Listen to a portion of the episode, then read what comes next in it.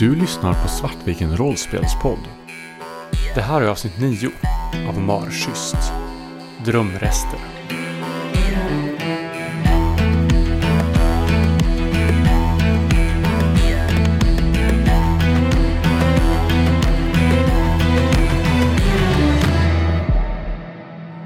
Det var det med ett konstigt leende och klump i magen samtidigt som jag minns tillbaka till det här. Jag förstår inte att Nils skulle kunna göra så här.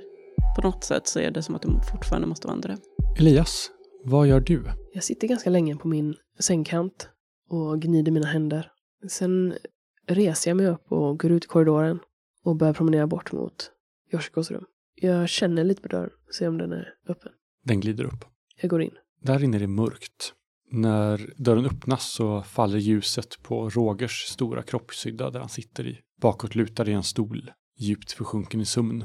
Han andas tungt. Golvet i rummet är täckt med mörka blålila blad av samma sort som fanns i drömmen. Yoshiko är nyvaken, hon mumlar lite och, och gnider sig i ögonen. Det är alltså växtlighet på golvet. Det är eh, löv, mörka blålila löv. Är fönstret öppet? Golvet är nästan helt täckt med de här bladen. När jag ser dem så sjunker jag ner på knä och känner på dem. De är lite blöta och jordiga. Jag tittar upp mot Yoshiko. Hon gnuggar sig i ögonen och tittar på dig. Hon ser, hon ser rätt utsövd ut. God, god morgon. Förlåt. För vad? Det är mitt fel. Allt, allt det här. Om det inte var för mig så jag är så ledsen Yoshiko. Hon halkar ner från sängen på golvet bredvid dig, sätter sig på knä och omfamnar dig och viskar i ett öra att det är okej, okej. Jag är inte arg på dig.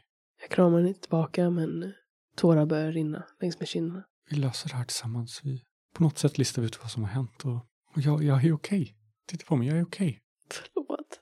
Jag vet inte varför det blir så här. Jag så här lutar mig tillbaka och torkar eh, tårarna ur ögonen. Förlåt. Eh, Vi kanske... Du måste vara hungrig, ska vi... Och sen så tappar jag bort mig i, eh, i meningen och bara sitter där. När du tittar upp mot dörren igen så ser du att det finns en, det är en stor inristning i dörren. Inristningen ser ut som att den har en, en romb eller en diamantform längst upp och från den så går ett streck rakt ner.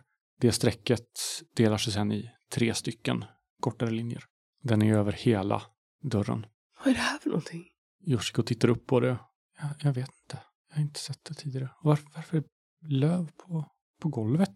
Hon tar en näve av de här bladen och tittar på dem. Kastar ner dem och så borstar hon rent händerna. Jag vet inte vad Yoshiko har i psykologi, men Elias är inte förvånad ut. Eller så han verkar inte vara särskilt brydd över att det är eh, löv på golvet. Eller det är egentligen att det är inristat grejer i dörren heller, utan på något underligt sätt så verkar han liksom acceptera de här konstiga, nästan övernaturliga sakerna. Som att det vore fullständigt rimligt. Däremot så verkar han ändå lite mer intresserad av liksom vad den här ristningen föreställer. Så att han lösgör sig lite försiktigt från Yoshiko och ställer sig upp och tittar på dörren. Vad tror du att det skulle kunna vara? Utifrån hur, du, hur den ser ut. Det ser lite ut som en, en, en pil. Någon slags ab abstraktion av en, en pil eller kanske en, en människa. Elias eh, sträcker fram ena handen och följer de här fårorna med ena fingret. Ser ut som att det är nyligen karvat. Det ser ut som att de har funnits här ett bra tag. Jag förstår hur vi inte kunde se de här igår. Yoshiko rycker lite på axlarna och hon tar din hand och börjar leda ut ur rummet. Kom, vi går och äter. Hon slänger en blick tillbaka mot Roger. Vi låter honom sova lite till. Det låter bra. Var tog Annie vägen när hon, efter att hon har, hade stormat ut efter Robin och Annis bråk? stormar ut i vardagsrummet och ute i hallen, sedan ut genom ytterdörren. Och när, precis när jag slår igen ytterdörren bakom mig så blir jag bara stående där på farstukvisten. Och jag känner hur den här ilskan som kokar upp inom mig lite så här skingras och omvandlas till någonting annat. Och jag, jag blir så här orolig. Så jag öppnar dörren igen och så går jag upp för trapporna till eh, korridoren med sovsalarna, eller sovrummen. Jag försöker minnas vilken, eh, vilken Elias bor i. Så jag går fram till den dörren. Och är den öppen eller är den stängd? Är den låst? Den är öppen tror jag. Jag går fram till den och knackar lite försiktigt på dörren och säger lågt. Elias, är du här? Och sen så öppnar jag, puttar jag upp dörren mer och går in i rummet. Vad, vad är det jag ser? Ett ganska orört rum. med den här lilla rullväskan som står intill sängen. Och det verkar inte vara så mycket uppackat ur den egentligen alls. Med tanke på att det blev så kaotiskt. Men den är öppnad eller? Ja, den öppnar, är den. Och eh, de här kläderna han hade på sig när han kom igår har han nog kanske precis satt på sig igen nu ja. Ja, då hänger nog bara de här badkläderna som vi hade i bastun hänger eh, eh, över en stol typ för att, som för att torka. Och eh, utöver det så ser du att sängen är liksom minutiöst bäddad. Alltså verkligen eh, militär disciplin på det. Du ser också att det är någonting som sticker ut från under sängen. Något som ser ut som svarta fjädrar. Jag känner hur det går en kall kår längs ner ryggen och jag går försiktigt fram mot sängen och böjer mig ner och tittar under den först. Där ser du att det ligger svarta fjädrar. Och många av dem är täckta av blod. Och det ligger rätt många fjädrar där. Jag ryggar tillbaka och försöker se om det är någonting mer under fjädrarna eller om det bara är lösa fjädrar som ligger där med blodiga. När du skrapar bort dem så märker du att det finns ingenting under. Det är bara fjädrarna som ligger där. Efter att ha pillat lite grann i dem så ställer jag mig upp och så här, tittar på mina fingrar som har fått lite blod på sig ändå. Trots att jag försökte vara försiktig. Hade den en egen toalett den här, det här rummet eller var det Det är bara gemensamma toaletter. Eh, står det några typ eh, handservetter eller liknande? Jag vet att vissa hotellrum har ju liksom en så här dispenser för. Ja, men det finns. Så jag tar en sån och torkar av fingrarna och eh, lägger den på överkastet så, så länge. Och sen så går jag fram till väskan och börjar med att titta på den utan att röra vid den och sedan försöker liksom hitta någonting som skulle rättfärdiga att jag pillar i väskan för att se vad som finns med där. Jag kom på att du kan notera en annan grej också, att eh, typ på fönsterblecket längst in i rummet så kan du se att han har liksom radat upp grejer. Och där ser du att där ligger liksom så här, telefonladdare, tandborsten, tandkräm, cologne, alltså så här i en perfekt liten rad. Som nästan ser ut som att, att vara så här utmätt med exakt centimeter avstånd mellan varje artikel på ett väldigt eh, specifikt sätt. När jag tittat intensivt på den här väskan utan att riktigt kunna rättfärdiga varför jag skulle rota i den så går jag till grejerna står i, i fönsterblecket och plockar upp eh, kolonnen och öppnar den och luktar lite grann. Det är en Ja. dyr cologne, kan du säga. Okej. Mm. Att så här, det är det mesta som... eh, Och även den här lilla rullväskan är också så här, så här dyrt, bra märke. Totalt så spenderar jag väl mycket längre tid än jag egentligen borde göra här inne.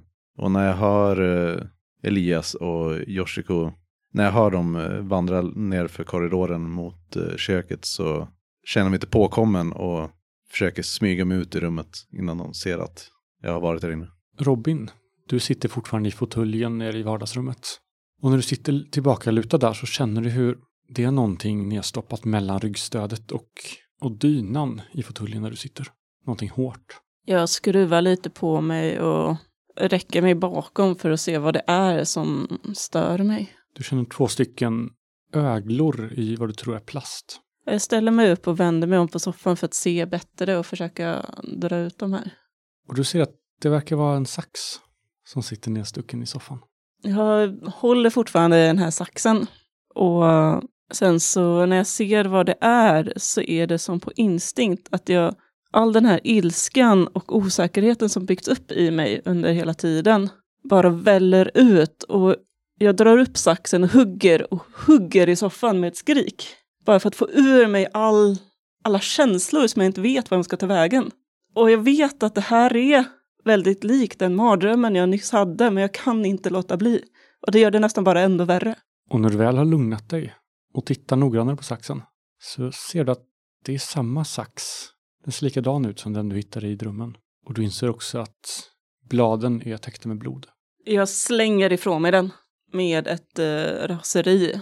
Kanske kastar den bort mot eh, där spritskåpet står så att några flaskor rasar ner. Ett stort klirr. Yoshiko, som precis kommer ner för trappen, stannar till och, och tittar på dig med skräckslagen blick. Elias är strax bakom henne. Va, vad är det som händer? Jag tittar upp på er med en rasande blick. Yoshiko, du är här alltså? Elias, har du en bil? Det vet att jag har. Jag behöver ta mig in till stan. Och sen kommer jag på mig själv i den röran som jag står i. Jag väntar mot er. Det har hänt saker. Elias nickar. Ytterdörren slits upp.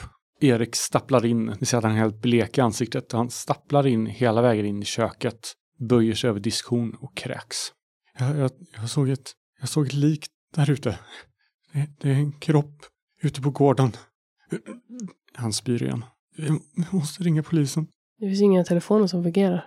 Min telefon funkade alldeles nyss. Elias tittar på dig med en förvånansvärt död blick. Robin tittar ner på sin telefon, men han vill inte öppna den. Och fastnar liksom i, i den tanken. Vad var det du såg, Erik? Ute på, på gården, det, det ligger en kropp där. Um, jag hann inte se jättetydligt, men det var, det var blod. Och den låg alldeles stilla. Jag, jag klarar inte av blod. Elias går ut mot ytterdörren. Yoshiko följer med lite tveksamt. Robin också. Hur gör Annie? Går du efter när du hör stegen gå förbi dörren? Eller stannar du kvar på rummet? Jag väntar lite tag och när jag är säker på att de är på väg ner för trappan så smyger jag mig ut i rummet och mot trappan. Så när, när allt det här utspelar sig så står jag nog där uppe ovanför trappan och vet inte riktigt vad jag ska göra. Men jag, som att jag väntar på någon signal av något slag. När alla börjar röra sig utåt så tar mig försiktigt ner för trappan och ansluter några, me någon meter bakom. Elias öppnar dörren. Han har återigen glidit ner i den här eh, bekväma autopiloten som till stor del har blivit hans liv de senaste åren. När han kommer ut så ser ni mycket riktigt en bit bort en kropp. Det ser ut som en gammal naken kvinna som ligger här. Hon ligger i en cirkel av, av svarta fjädrar som är blodiga. Ni kan redan nu se att hennes ena arm verkar vara, vara avsliten och det är helt fullt med blod runt henne. Men hon verkar inte vara död. Hon rör på sig. Elias går framåt och sätter sig ner på huk bredvid hennes huvud. Och nästan lite så här i fascination eh, sträcker sig ut med eh, den här osynliga kraften han har. Du kan stryka tre ödespoäng.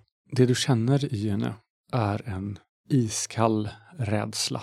Hon förstår inte vad som har hänt.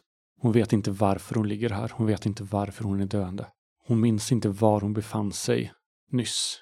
Det är en omtumlande känsla av att inte veta vilken form, vilken hamn man befinner sig i. Och sen en plötslig känsla av att, att bli brutalt söndertrasad av någonting som man inte förstår. Elias välkomnar det här rycket ur sin egen kropp och den här överväldigande känslan som tvingar honom bort ifrån sig själv och ger sig hän åt det. Kvinnan vrider huvudet mot dig och blickar upp mot dig. Och du inser att du känner igen de här klargröna ögonen som, som stirrar upp i dina ögon. Det är som att du än en gång tittar in i ögonen på den gamla gumman som du träffade på klassutflykten. Jag lutar mig fram mot henne så att mitt ansikte är bara någon decimeter från hennes. Kan du tala om vem jag är? Hon blinkar mot dig förvirrat och så väldigt, väldigt svagt så skakar hon huvudet innan du känner hur livet, det sista av livet, rinner ur henne. Jag stryker henne över håret och när jag känner att det, det långsamt börjar ta slut så, så viskar jag. Shh, det är över snart. Du känner ingenting mer från henne. Och den här känslan av ro och, och tomhet och ingenting infinner sig. Och jag sätter mig upp tillbaks på knä och sluter ögonen och låter döden fylla mig. När jag ser kroppen från eh, farstukvisten så Elias är på väg mot den så stannar jag till och plockar upp min mobiltelefon och ringer till 112. De svarar. Allting fungerar som det, som det ska nu med tekniken verkar det som. Ja, hej. Det, det verkar som att någon har råkat ut för en olycka. Det, ni måste skicka en ambulans. De genomgår hela den, den vanliga rutinen med dig och frågar vart, var ni befinner er och hur tillståndet är och sånt där. Sen meddelar de också att en ambulans är på väg. Och när de frågar om tillståndet så säger jag att jag, jag vågar inte uh, gå fram. Jag står kvar på uh, farsten. Och Robin står emellan. Han har gått fram en bit. Så han ser inte Annie som är bakom. Men under tiden som eh, Elias går fram så är det som att jag hela tiden vill. Jag vill gå fram. Jag vet att jag skulle kunna göra någonting. Men jag vågar inte. Jag skulle kunna göra någonting värre. Det skulle, det skulle kunna vara mitt fel att hon dör om jag försöker mig på någonting. Och jag står där och velar och försöker ta mod till mig, men det går inte. Och sen så ser jag hur livet går ut henne och jag skyller mig själv för att jag inte vågade. Du känner hur Yoshikos hand letar sig in i din. Hon kramar din hand hårt. Utan att tänka på det så kramar jag oerhört hårt tillbaka. Så att hon själv kanske får väldigt ont i fingrarna. Men det är för mycket nu. Hon kan känna mina dragningar framåt och mina velanden. Ambulansen kommer till slut. De eh, föser bort det från platsen och tar hand om kvinnan. De ställer lite rutinfrågor. Ni ger väl lite rutinsvar. En av dem går bort och plockar upp armen som ligger en bit bort. Också den har, har fjädrar omkring sig. Jag fångar en av eh, en i personalen hos ambulansen och eh, frågar om eh, de, någon av dem var med på det som hände vid ålderdomshemmet.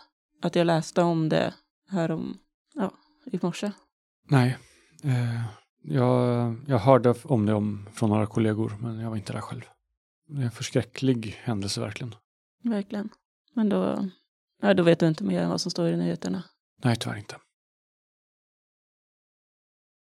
Jag tror att efter det här så, om någon är uppmärksam på Annie så går det absolut att se att hon tittar på Elias på eh, lite annorlunda sätt nu. Liksom hela tiden i ögonvrån så eh, hon spanar liksom på Elias och ser misstänksam ut mot honom. Om man tänker på att jag är- har två i psykologi så lär jag notera det. När eh, jag står och pratar med ambulanspersonalen så, så frågar jag ändå så fall de, de vet vem det är eller om man, så vad man har för möjlighet att ta reda på det. I nuläget vet vi inte alls. Eh, Vi kommer köra alla kontroller vi kan och vi kommer försöka ta reda på det. Finns det något sätt som eh, man som eh, privatperson kommer kunna alltså, ta del av det? Alltså hur kom hon hit? Vad, hur, hur kan hon vara här? Och utan att det är ingen av oss som har märkt någonting. Vi vet tyvärr inte mer än, än ni i dagsläget. Kanske ännu mindre. Finns det någonstans man kan vända sig sen för att få någon form av information kring det här ärendet? Jag skulle rekommendera att hålla lite koll på media. Det kanske kommer gå ut någon utlysning om ifall någon har mer information. Och sen begära ut de allmänna handlingar som, som eh, ett resultat av utredningen. Okej, men, det, men detta kommer hamna på uh, Uddevallas bord då, eller? Som Ja, troligtvis. Ja, men tack så mycket. Han nickar. När de eh, börjar bli färdiga där och har liksom lastat in den här kroppen i ambulansen och gör sig redo att eh, åka därifrån så, eh, så eh, kommer Elias på eh, att eh, ja, men Joshka står ju där med, eh, med Robin och går bort mot eh, de här ambulanspersonalen igen och säger du, eh, Du känner hur någonting pockar på din mentala uppmärksamhet. jag vänder mig om. Och du ser hur Yoshiko står och tittar på dig. Och hon ser rädd ut. Hon skakar nästan omärkbart på huvudet. Då sänker jag handen igen och står där en stund och tittar på henne. Du tycker dig känna en, en rädsla hos henne. En känsla av att ni är nu den enda fasta punkten hon har. Hon vet ingenting om vad som väntar där ute. Hon är livrädd för att förlora er igen. Och det är frågan om Elias bara accepterar det. Men jag tror nog att han kanske gör det faktiskt. Att eh, så. Robin, du känner hur Yoshikos hand blir alldeles svettig. Hon börjar nästan darra.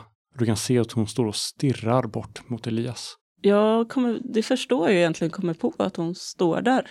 Och jag säger Yoshiko, just det, det kanske vi skulle, Elias? Du ser att jag står liksom och tittar mot er. Och det, det är nog en ganska konstig syn. För du såg ändå att Elias var på väg bort mot ambulansen. Sen är det som att han hejdar sig mitt i ett steg, vänder sig om, tittar på Yoshiko och sen har stått typ i kanske fem minuter och bara stått och stirrat på Yoshiko. Så det ser ju säkert ganska underligt ut. Och jag kommer på att vi gjorde ju ingen undersökning av henne igår kväll. Hon måste ju fortfarande vara i chock.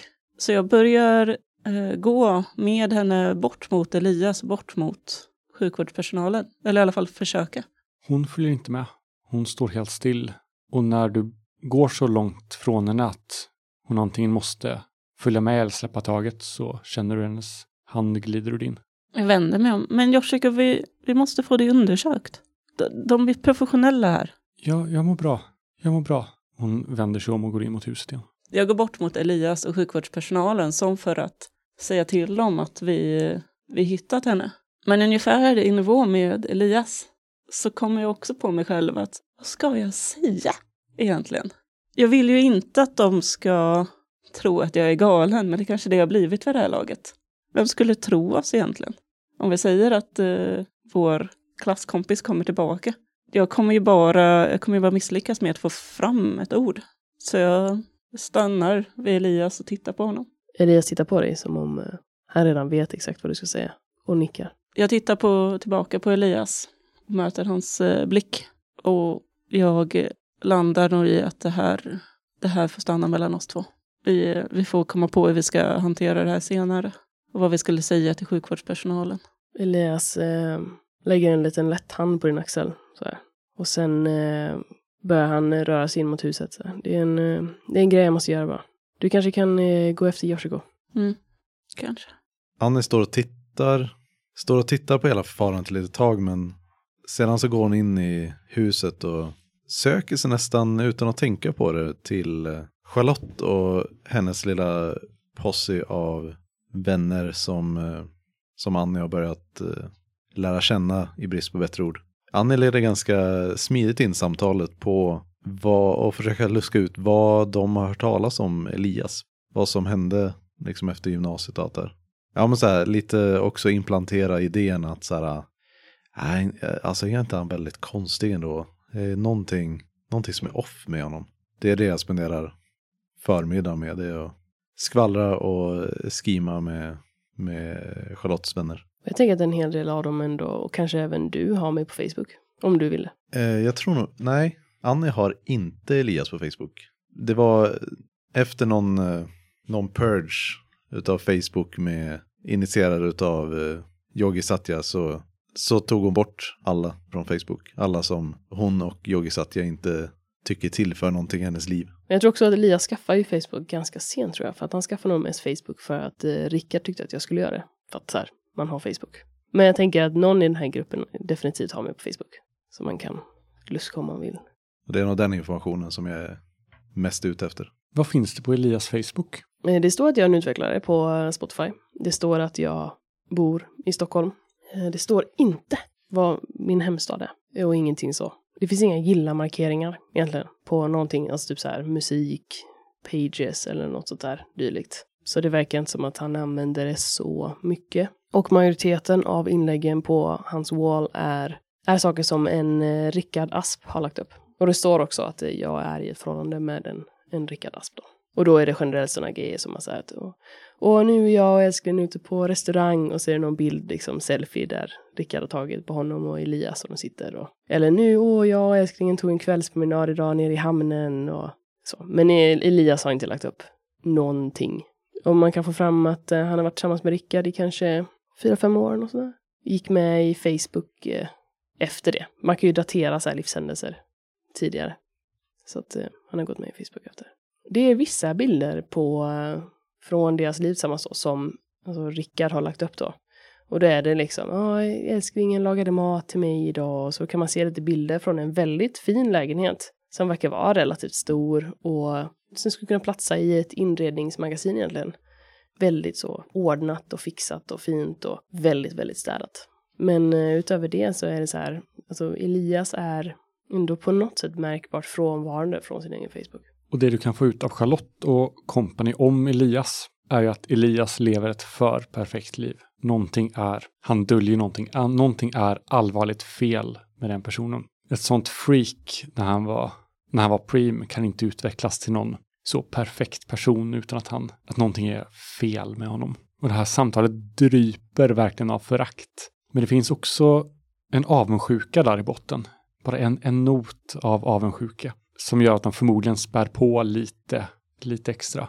Men det fälls kommentarer som man undrar ju vad en sån som han gör i källaren om nätterna egentligen. Vi sitter och skvallrar ganska omfattande, men eh, om man observerar samtalet utifrån så kan man absolut se det här mönstret av att så fort Charlotte tar ett lite längre steg och uttrycker någonting negativt om Elias än vad Annie har gjort, så lyckas Annie vända hela gruppen mot eh, Charlotte och få, få henne att verka som alldeles för fördömande eller som att hon eh, snackar, snackar skit om saker som hon inte, som hon inte vet vad, vad det handlar om. I början så kanske det är ganska subtilt, men eh, allt eftersom under, under dagen så är det nog ganska uppenbart för alla. Alla skulle se den här gruppen utifrån. Hur blir det? Ska vi liksom alla åka hem eller är de andra kvar eller vad? Är det någon som liksom styr upp situationen? Det verkar vara allmän vilderådighet. De som tidigare tog hand om, om saker verkar vara helt låsta in sig på sina rum. Det verkar inte som att det är någon som vill, vill göra någonting för det känns som att det kommer ett ansvar. Och det är ingen som vill ha ansvar för det här. Elias kommer eh, nyttja tiden till att eh, alltså plocka fram sitt eh, gamla skissblock. Eller gamla, gamla, men han har i princip alltid ett skissblock med sig för att skissera ut eh, alltså lösningar eller ta anteckningar eller dylikt. När du börjar bläddra i det så ser du att det är helt fullt. Och det återkommer ett motiv om och om igen på alla sidor. Och det är porträttet som du målar av dig själv i drömmen. Men varje porträtt i blocket här ser lite annorlunda ut.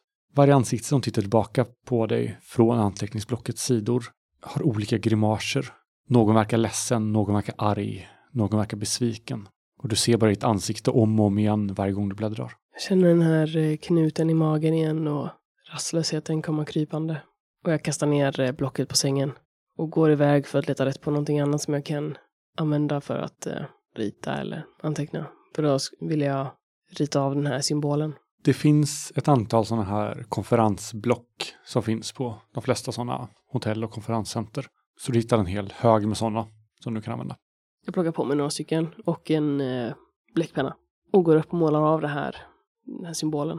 Robin går efter Yoshiko och ser vart hon har tagit vägen. Hon sitter i vardagsrummet. Hon har tagit fram en, en kola från kylen och sitter och, och tittar på den. Den står framför henne på bordet. Vad var det där, Yoshiko? Varför ville du inte följa med ambulansen? Jag har inte varit i den här världen på tio år. Senast, senast, mitt senaste minne är från 2009. Fattar du hur läskigt det är? Att bara åka med, bara behöva åka med ambulansen in i tio år in i framtiden. Jag vet inte vad som har hänt. Jag vet inte vad som finns där ute. Jag vet inte vart mina föräldrar är. Jag vet ingenting. Jag Bara skicka mig, om jag skulle bara åka ut, jag skulle hamna i något system någonstans där jag inte förstår hur det funkar. Jag vet inte vad som händer i världen just nu. Jag har ingen aning om hur du kom hit. Men du har rätt i att vi borde hitta dina föräldrar. Faktiskt. De måste få reda på att du är tillbaka. Jag är rädd för hur de kommer reagera. Att ditt försvinnande förstörde, förändrade hela stan. I alla fall mitt liv. Och jag tror alla runt omkring dig. Har du hunnit prata något med Matilda än? Nej, hon vill inte ens titta på mig. Det märktes att hon saknat dig. I alla fall, eh, hon tittar ner och, i bordet och tar en stor klunk cola. Kan du hjälpa mig leta upp mina föräldrar? Jag vet inte hur man... Mm, det är nog bra. Jag, eh, jag låser upp min mobil och går in på Eniro. Vad heter de? Hon ger två namn. Ett japanskt kvinnonamn och ett svenskt mansnamn. När du letar upp hennes pappa så ser du att han har eh, tagit livet av sig. Något år efter Yoshikos försvinnande. Hennes mamma verkar ha flyttat tillbaka till Japan. Nej, jag, jag kan inte hitta dem tyvärr. De, eh, ja, din pappa har ett lite väl vanligt namn. Och eh, jag kan tyvärr inte hitta din mamma. Hon kanske har flyttat tillbaka. Hade du någon mer eh, närstående släkting? Nej, så pappa var ensam barn och, och sladdis och hela släkten var, var gammal redan, redan 2009. Hon tittar tomt framför sig. Jag vet inte vad jag ska göra faktiskt. Jag tror inte att jag kan hjälpa dig mer heller. Du, du måste hamna hos någon, någon professionell, någon, någon som kan sånt här. Men du är professionell. Hon tittar på dig med, med stora ögon. Robin, lämna mig inte. Vad vill du att jag ska göra då? Jag kan inte göra någonting. Det är klart du kan. Du kan, du kan, du kan ta hand om mig. Ni kan ta hand om mig tillsammans. Ni är de enda jag har. Ni är de enda som bryr sig. Det är skönt att ha någon som faktiskt är beroende av mig igen. Men det är skönt att ha någon som tror på mig. Och, som, eh, som vill ha mig. För det har jag inte haft på länge. Det är fantastiskt bra att ha, ha dig tillbaka Yoshiko och veta att vi saknat dig. Men det händer mer saker i natt. Stället där jag jobbar på, det händer saker där som jag måste ta reda på mer om. Du kan få följa med om du vill, men jag behöver ta mig in till stan. Ja, jag förstår. Jag följer med. Sitter med mobilen och jag vet att jag har väldigt nära och skulle kunna ringa hem till mamma och be henne köra mig. Eller ringa till eh, Joakim. För mamma skulle nog inte ens orka ta tag i det eller vilja. Hon har inte ens skickat ett sms över vad som hänt. Men jag ser eh, Joakims oroliga sms. Men jag orkar inte med honom. Jag orkar inte prata med honom så det enda... Jag skickar bara tillbaka att jag är okej. Okay. Jag har sett vad som hänt. Och sen stänger jag av ljudet. Och går upp till eh, mot Elias rum och försöker se vart han har tagit vägen. Jag kan tyvärr inte köra så jag måste hitta någon. Vet att Elias hade en bil. Så ja, jag ska se om jag kan köra in oss till stan. Jag väntar här. Jag går upp och börjar rita av den här symbolen på Yoshikos rum. Roger sitter inte kvar på rummet, men du har inte heller sett till honom under dagen. Jag börjar rita av den här symbolen. Jag sätter mig på Yoshikos säng och försöker få med alla detaljer. När du sitter och ritar så blir du hela tiden störd av, av en fet fluga som surrar och som om och om igen slår in i fönsterrutan. Och varje gång du får tillbaka uppmärksamheten så är det som att den är tillbaka där igen och bara slår mot rutan. Jag vet ju vad det är för djur utan att titta på den. Och det är nästan som att jag så medvetet försöker undvika det i största möjliga mån. Men efter ett tag så, så vänder jag mig om och tittar mot fönstret och insikten som aldrig kommer ut.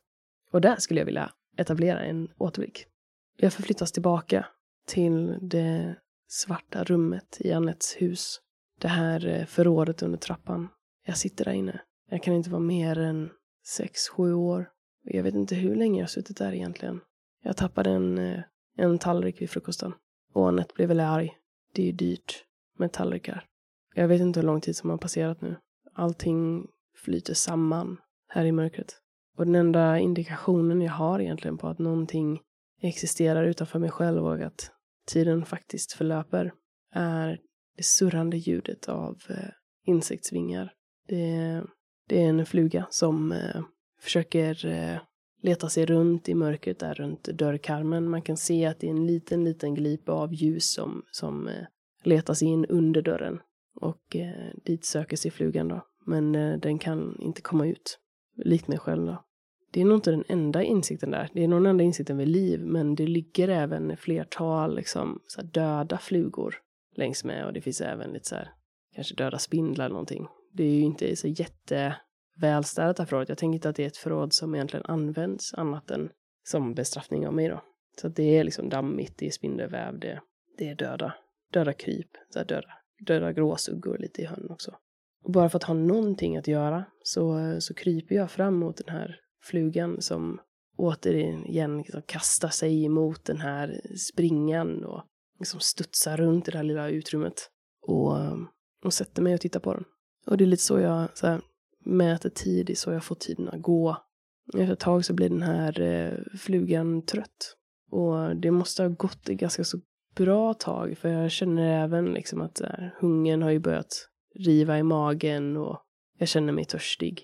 Och flugan, den liksom, de här som små hoppen som den gör när den eh, landar och börjar flyga och landar och börjar flyga och kastar sig mot den här springan, de blir liksom mindre och mindre för varje gång. Så man märker att den har liksom mindre och mindre energi. Och efter ett tag så, så ligger den liksom bara på, på rygg och, och smattrar med vingarna mot golvet. Och det är ungefär då som jag så här lutar mig fram och, och plockar upp den och lägger den i handflatan. Och sträcker mig ut med den här känslan som jag liksom gör in, instinktivt nästan. Och försöker lära känna den eller liksom ta kontakt med den. Och du följer den ju med in i mörkret. När jag känner att den börjar försvinna så känner jag genast hur ensam jag är här. Och jag vill inte att den ska gå. Jag vill att den ska vara kvar här hos mig. Jag vill inte vara ensam. Så jag trycker in mina små tumnaglar i dess mage och känner den här sensationen av, av smärta sprida sig även i min kropp. Och varje gång jag känner att jag, jag börjar förlora den, att den glider iväg bort från mig, så trycker jag igen. Stanna kvar. Stanna hos mig.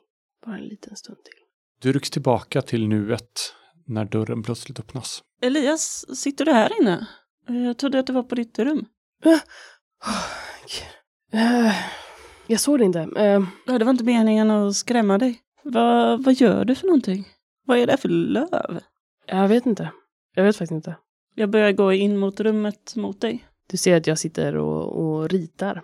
Du kan se att det verkar vara någon form av abstrakt geometrisk figur. Vad ritar du för någonting? Jag gestikulerar upp mot dörren. Det där. Tittar upp på den. Va? Varför har du gjort sådär? Det är inte jag som har gjort det. Varför skulle det vara jag som har gjort det? Jag vet inte. Jag har Yoshiko gjort det? Jag vet inte. Ja, det var inte där igår i alla fall. Jag står och tittar på det. Och sen skakar jag på huvudet och det var egentligen något annat som jag kom hit för. Okej. Ja, det hände något på mitt jobb igår. Jag skulle behöva ta mig in till stan. Men jag har inget körkort. Men hur ser det ut då? Kan vi ge oss av härifrån eller vad? Jag har inte hört något annat. Okej. Jag vet inte, vi får väl komma tillbaka antar jag. Men jag behöver eh, hitta en person bara. Skulle du kunna ja, köra mig? Definitivt. Ja, och Yoshika också. Hon ville följa med av någon anledning. Hon verkar ju inte må så bra. Elias tar ett djupt andetag. Ja, vi kommer ju behöva fatta en del beslut angående Yoshiko. Mm. Vad ska vi göra med henne? Jag vet faktiskt inte. Men eh, Ja, hennes eh, föräldrar är borta. borta. Vad menar du? Jag sväljer lite. Ja, hennes pappa, vet inte hur jag ska säga det här, han, eh, han tog livet av sig ett år efter. Och hennes mamma flyttade tillbaka till Japan. Så hon har bara oss. Okej. Elias reser sig upp och börjar gå bort mot fönstret och släpper ut en eh, fluga som eh, konstant har eh, liksom surrat och kastat sig mot rutan. Det här kommer potentiellt kanske låta lite konstigt, eh, Robin. Han stänger fönstret igen. Men jag tror både du och jag vet att det är någonting underligt som har skett här. Mm. Jag, det är lite därför jag behöver hitta den här personen. Det fanns en person som jag jobbade med som kanske kan ha svar på sånt här. När du säger det så kan du se att eh, Elias verkar, eh, menar, inte- stelna till, men liksom vara lite mer på alerten, som att han helt plötsligt blir väldigt så här, han är, han är väldigt intresserad av det du precis sagt. Okej, men eh, bra. Då åker vi dit. När ni kommer ut i korridoren igen så ser ni hur Matte och Tobbe bär på, på väskor. Ja, nej, det här gick åt helvete. Jag, eh, jag trodde det här skulle vara kul. Det var inte kul. Vet ni vad? Klassåterträffar suger. Kul va? Och sen går de. Jag kan inte låta bli att dra lite på mungiporna. För det är ändå skönt att de är sig själva i allt det här som är konstigt på något sätt. Och det är någonting som ekar bekant med det där sista de sa när de gick ner. Sättet de sa kul va? på innan de försvinner ner för trappan. Innan Elias stänger dörren så um, hukar han sig ner och plockar upp ett av de här bladen. Någonstans så har han ju accepterat att den här sanningen om honom själv är ju tätt knuten till allt det som sker med Yoshiko. Så att um, han har någonstans eh, accepterat att han inte kan åka hem förrän han har gått till botten med det här. Och han stänger dörren. Du har lyssnat på Svartviken rollspelspodd som spelar Skrumt. Skrumt är skrivet av Kristoffer Warnberg och ges ut av Bläckfisk förlag. Musiken är gjord av Alexander Berger.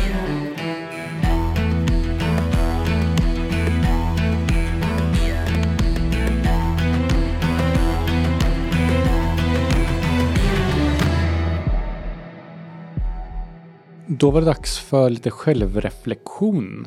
Och vi vet ju hur det går till vid det här laget, så jag tänker att någon av er får börja. Tror inte jag har någonting faktiskt direkt. Ska vi börja med krokar och se om det finns någonting där? Jag har ju uträttat mitt behov. Det blev ju så faktiskt. Med eh, den här, eh, alltså den gamla damen som dog. Jag fick ju det lugnet. Alltså så här, Ja, det blev ju så liksom. Ja. Det var inte planerat, men eh, det, det är ju det som, därför jag gör det. Så att, precis. Jag trodde du menade att du hade gjort en aktiv handling. Nej, Eh, alltså så. så här, eller jag gjorde ju en aktiv handling i och med att jag sträckte mig ut och Mm. var där och liksom, Mm. eh, jag tog fattade ju beslutet att vara med henne i hennes sista stund. Ja, men, det Men, räknas. eh, mm. Ta ett för det. Jag har varken fått reda på mer om Elias eller mer om Nils. Så jag känner inte att jag lyckas med någon krok idag. Min nya krok kommer vara att undersöka Robins ledtråd, som han sa. Han sa ju att han hade en vän som antagligen visste. Okej, så vi ska prata med Nils. Check. Annie, har du några krokar du har arbetat för? Alltså, jag hade ju någon tanke om att försöka arbeta på den här, eh, spela ut eh, Robin och Elias mot varandra, men eh, jag känner inte att jag kom någon vart med det. Du har ju mest spelat ut Elias. Resten av gänget mot Elias. Eh, Och det är ju inte riktigt en del utav, eller så här, på väldigt lång sikt så är det en del utav det, men inte, inte direkt mot det målet. Är det någon som vill stryka en krok och ta en ny? Som känner att ni inte vill spela på den längre? Nej. I och för sig så känner jag nog att jag, jag har ju spelat en del på att återskapa min sociala makt från gymnasiet. Mm, ja, men Mm. det har du gjort. Det har du verkligen. Så det skulle vara det. möjligtvis. Det tycker jag du kan ta en för.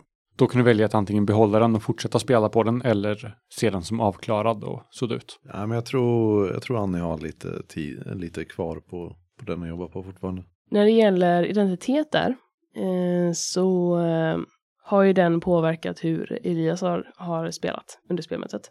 Eller hur han har agerat under spelmötet. I och med att han gick in där till Yoshiko i början och bad om förlåtelse. Så den har inte ändrats fortfarande, den är fortfarande befäst, men han har agerat i linje med den. Och det är ju samma med eh, Robin och den här döende personen och hans rädsla att misslyckas och att ses som ett misslyckats. Och även eh, den har befästs när när jag skulle berätta för sjukvårdspersonalen vad som hänt. Ja, det var ju väldigt tydligt där att din rädsla tog överhanden Mm. liksom. Så det får du helt klart rätt för.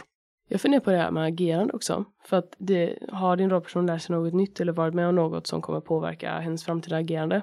För Elias har ju ändå blivit, det känns som att han under det här spelet ändå var, blev ganska övertygad om att alltså det här övernaturliga som sker nu är direkt kopplat till honom och han, eh, det är en del i att han ska ta reda på vem han är, är att ta reda på vad som har hänt med Yoshiko. Och det känns som att det liksom har befästs den här nu. Så de här liksom symbolen, löven, den här döda kvinnan, Yoshiko då och sen så Robins ledtråd. Det har ju blivit en del i den här liksom, ta reda på sanningen om, om, om honom. Ja, du hittade ett fokus på något vis. Att, det- som- Ja, och det är därför också han har accepterat det på ett annat sätt. För att så här, det är inte, även om det är konstigt så är det på något sätt inte konstigt för honom, för det ligger i linje med hans världsbild. Det tycker jag räknas. En sak som har förändrats för mig är ju relationen med Yoshiko, verkligen. Det känns som att Robin och Yoshiko kanske inte var så nära tidigare. Men nu inser han att han är viktig för henne och det gör henne också väldigt viktig för honom. Du kan skriva in Yoshiko som en ny kontakt. Det känns som att du är den som har fått bäst kontakt med Yoshiko. Mm. Och som att det faktiskt räknas som en, som en relation på karaktärsbladet. Mer För- än bara en anteckning på sidan av liksom. För innan det här spelmötet så brydde han sig inte så mycket om henne. Då fanns det ju mycket viktigare saker att göra. Men nu känns det som att ja, det här är ett nytt fokus. Du kanske har hittat någon som du tycker är värd att ta hand om. Mm. Alltså någonting du faktiskt vågar försöka dig på. Ja, det, är väl han, det handlar ju snarare om det. Fast för Robins del så ser han det nog snarare som att han inte har ett val att ta hand om henne. Men jag tror att det är en kontakt som kommer kunna stötta honom i att våga mer. För han kan alltid luta sig tillbaka mot att Yoshiko behöver det och jag har inget val än att det är någonting han, behöv, han ska kunna. Men vi får fundera lite på vad de... Det hade ju olika teman för sådana. Nya kontakter kan du bara välja vad du vill. Okej. Så beskrivning beskriver du bara alltså din relation till Yoshiko. Och i relation där skriver du ett citat om hur relation, alltså sammanfatta relationen i ett citat. Hon behöver mig, är citatet. Ja, det är ju jättebra. Jag kom på att, eh, jag vet inte om det är agerande eller- relation, men eh, Annie har ju börjat fatta misstanke eller bara bestämt sig för att Elias är eh, ganska creepy på något sätt. Och antagligen på något sätt kopplad till den här döda kvinnan ute på gården. Just det, jag måste, jag måste skriva upp också och notera att jag har noterat att du... Eh, för det etablerade vi ju där. Ja, så det skulle jag vilja ha en eh, XP för. Ja, det får du. Det tycker jag går in under agerande. För där har du hittat saker som, det kommer förmodligen påverka hur du agerar i framtiden gentemot både Elias och i stort. Men det är nog den enda av de tre triggers som jag har för Annie. Jag skulle typ vilja lägga in alltså, det det här på något sätt med eh, Annie, typ att man, jag vet inte om man ska lägga in det som en kontakt eller någonting, men jag bara ser framför mig att jag skulle vilja ha någon form av tag till Annie nu med citatet Annie vet. Lägg det i anteckningar.